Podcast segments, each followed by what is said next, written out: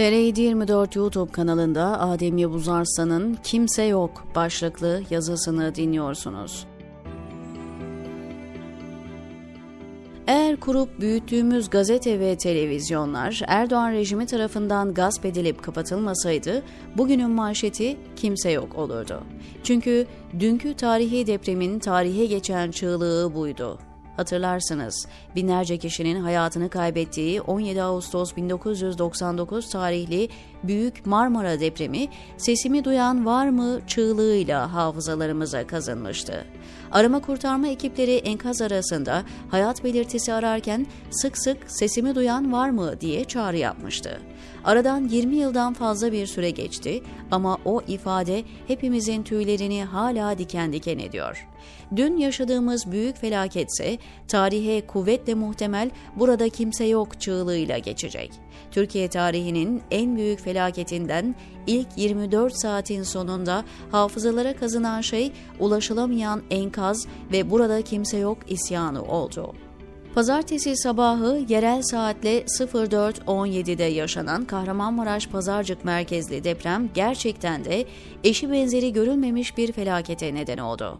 Deprem hem gece hem kış hem de 7.8 gibi korkunç bir güçle gelince yıkım daha da büyük oldu. Yaklaşık 14 milyon insanın yaşadığı toplam 10 ili etkileyen bu felakette binlerce bina yıkıldı. Felaketin ilk 24 saati geçtiğinde ölü sayısını tahmin etmek bile mümkün değildi. Şehirler, yollar, hastaneler, AFAD merkezleri, doğalgaz ve elektrik gibi altyapı tesisleri çöktü. Bırakın köyleri, binlerce kişinin yaşadığı şehirlerden haber alınamadı. Hatay gibi hem deniz ulaşımı olan hem de iklimi daha yumuşak bir şehre yardım ekipleri neredeyse 24 saat boyunca ulaşamadı. Çünkü o çok övülen duble yollar paramparça oldu. Yeni yapılan havalimanının pisti kırıldı çok iyi olduklarını iddia ettikleri beton lobisinin aslında çok da iyi olmadığı, aksine orada da büyük hırsızlıkların yapıldığı acı şekilde görüldü. Erdoğan rejimi tüm propaganda aparatlarıyla birlikte her şeye hakimiz, ulaşılmadık enkaz kalmadı dese de sosyal medyaya her yerden burada kimse yok, yardım yok, kurtarma yok mesajları yağdı. Nasıl ki sesimi duyan var mı çığlığı 17 Ağustos depreminin sembolü haline gelmişse burada kimse yok isyanı da bu depremin simgesi oldu. Kısaca devlet bir bütün olarak depremle birlikte çöktü. Acı çok taze, felaket çok büyük. Önceliğimiz de yardım çalışmaları olmalı. Zamanla yarışılıyor ve her dakika kritik öneme sahip. O yüzden şimdi ne Cumhurbaşkanı Erdoğan'ın sadece AKP'li belediye başkanlarını arayıp geçmiş olsun demesini, ne Ömer Çelik'in Cumhur İttifakı olarak sahadayız şeklindeki tuhaf açıklamasını, ne de aktrollerin deli saçması komplo teorilerini ya da AFAD sisteminin yetersizliğini konuşacak değiliz. Yepyeni binaların, yolların, hastanelerin nasıl çöktüğünü de yakın bir gelecekte mutlaka konuşacağız. Ancak şu anda acil olarak gündemde tutulması gereken bir şey var. Sahada neden kimse yok? Depremden hemen sonra enkazın başında olması gereken kurtarma ekipleri nerede? Türkiye gibi sık sık deprem olan bir ülkede neden sanki böyle bir felaketle ilk kez karşılaşılıyormuş gibi davranıldı? Düşünebiliyor musunuz? Yaklaşık 14 milyon insanın yaşadığı, 6 binden fazla binanın çöktüğü bir alanda kurtarma ekibi olarak gönüllüler dahil 14 bin kişilik kurtarma ekibi vardı. Basit bir hesapla enkaz başına 2-3 kişi düştü. Hal böyle olunca da Hatay'ın, Adıyaman'ın ve Maraş'ın birçok ilçesinde hiç kurtarma ekibi görülmedi. Hem enkazdan çıkabilen mağdurlar hem de yakınlarına yardıma koşan insanların hepsi haklı olarak burada hiç kurtarma ekibi yok, kimse yok diye isyan etti. Enkaz altında yakınları olanların kendi imkanlarıyla vinç kiralayıp kendi elleriyle sevdiklerine ulaşmaya çalıştıklarını bile gördük. Bölgeye ulaşan milletvekilleri yaptıkları açıklamalarda devletin sahada olmadığını anlattılar.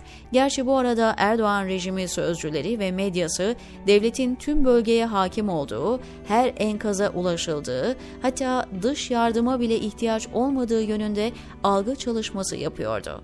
Oysa ki bu esnada sosyal medya enkaz altında soğuktan ölen bebeklerin haberleriyle çalkalanıyordu.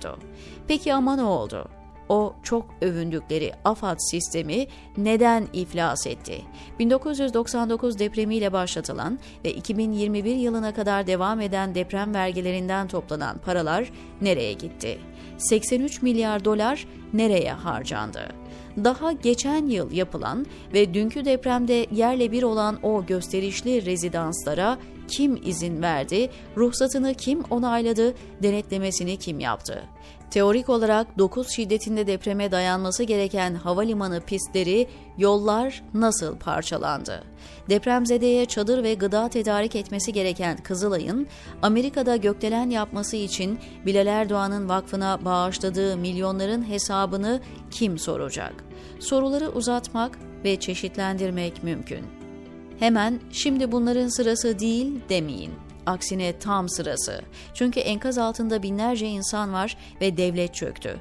Yardım bekleyen insanlar AFAD yok, devlet yok, kurtarma yok, burada kimse yok diye isyan ediyor.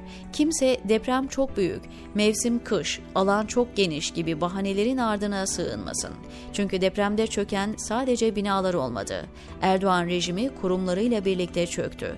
Şimdi bu soruları soralım ve sorumlular hesap versinler ki yeni felaketler olmasın bu ülkede hukuku askıya alır, denge denetleme sistemlerini iptal eder, her şeyi bir kişinin iki dudağı arasından çıkacak talimata bağlarsanız bunlar olur. Yolsuzluk norm haline gelirse devasa binalar kağıttan kaleler gibi çöküverir. Deprem için toplanan vergiler hortumlanırsa felaket gelince de en fazla camilerden sela okutursunuz. Medyaya çöker, hepsini saraya bağlarsanız deprem haberleri de iktidarın propaganda açıklamalarıyla sınırlı kalır, halk bilgi almak için sosyal medyaya bakar. Uzun lafın kısası şu, binlerce insanın katili yolsuz, hukuksuz, beceriksiz ve en önemlisi kötü niyetli yönetimdir. Bu gerçeği kayda geçip gereğini yapmazsak daha önce olduğu gibi hiçbir ders alınmaz ve biz ancak önümüzdeki felaketlere bakarız, diyor Adem Yavuz Arslan TR724'deki köşesinde.